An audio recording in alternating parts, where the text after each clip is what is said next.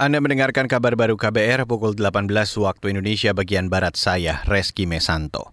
Saudara tim penyelesaian non-yudisial kasus pelanggaran hak asasi manusia berat masa lalu dan tim PPHAM mengusulkan agar Presiden Joko Widodo mengakui adanya pelanggaran HAM berat masa lalu. Usulan itu disampaikan Ketua Tim PPHAM Makarim Wibisono saat menyerahkan laporan kerja kepada Presiden Joko Widodo melalui Menko Poluka Mahfud MD hari ini. Nah, kali ini kami menyampaikan kepada Bapak Menko Polhukam dua hal. Satu, laporan mengenai uh, hasil daripada tim PPHAM. Ya. Yang kedua adalah usulan dari tim PPHAM kepada Bapak Presiden agar bisa membuat pernyataan Presiden Republik Indonesia mengenai pelanggaran hak asasi manusia masa lalu. Ketua Tim PPH Makarim Wibisono mengatakan, jika ada pernyataan pengakuan dari Presiden Jokowi, maka secara langsung pemerintah mengakui kejadian pelanggaran HAM berat yang pernah terjadi. Tim PPH dibentuk Presiden Jokowi untuk menyelesaikan kasus pelanggaran HAM berat masa lalu melalui jalur di luar pengadilan. Kerja tim PPH fokus pada pemulihan korban dan bukan pengungkapan pelaku.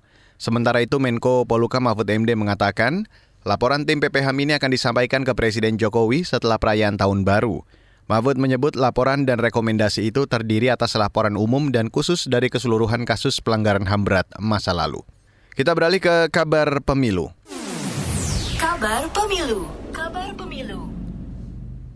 Saudara Partai Buruh menolak kegiatan verifikasi faktual oleh Komisi Pemilihan Umum KPU dalam proses pelaksanaan persiapan pemilu 2024. Partai Buruh tetap menolak kegiatan itu meski partainya lolos verifikasi dan berhak ikut pemilu 2024.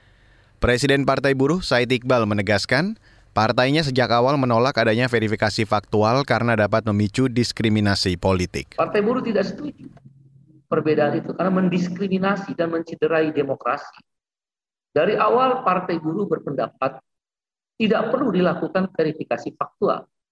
Oleh karena itu langkah hukum diambil oleh Partai Buruh di tahun 2022 ini dengan mengajukan judicial review terhadap undang-undang pemilu terkait verifikasi, di mana Partai Buruh meminta kepada Majelis Hakim Mahkamah Konstitusi untuk membatalkan terhadap perbedaan atau per, per, perlakuan yang berbeda antara partai parlemen dan partai non parlemen maupun partai baru dalam verifikasi. Menurut Presiden Partai Buruh Said Iqbal, verifikasi yang valid dan efektif di proses pelaksanaan pemilu hanya cukup saat verifikasi administrasi saja. Partai Buruh juga menyebutkan beberapa pertimbangan proses verifikasi faktual – di antaranya untuk rasa keadilan dan menghindari pertemuan antara penyelenggara pemilu di daerah dengan partai politik dan calon peserta pemilu. Saudara Kepolisian Daerah Papua menyatakan kelompok bersenjata masih menjadi ancaman serius di sejumlah wilayah di provinsi itu. Kapolda Papua, Matius De Fahiri mengatakan, Polri dan TNI terus menekan aksi kekerasan yang dilakukan kelompok bersenjata, salah satunya memutus mata rantai perdagangan senjata api dan amunisi ke kelompok bersenjata. Kami aparat TNI Polri kami berusaha sehingga kita bisa memutus mata rantai amunisi. Kami sangat berharap dengan ada DOB, para tokoh aktor politik bisa memainkan perannya untuk bisa membangun komunikasi aktif dengan saudara-saudaranya yang di dalam yang memegangkan senjata api untuk bisa berpartisipasi aktif dalam pembangunan Kapolda Papua Matius Fairi mengatakan TNI Polri selama ini terus melakukan pendekatan humanis terhadap kelompok yang berseberangan dengan pemerintah di Papua. Ia berharap cara itu bisa menjawab berbagai masalah pemicu kekerasan dari kelompok bersenjata selama ini.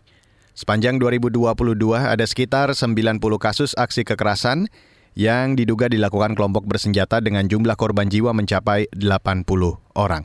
Dan saudara, demikian kabar baru saya Reski Mesanto.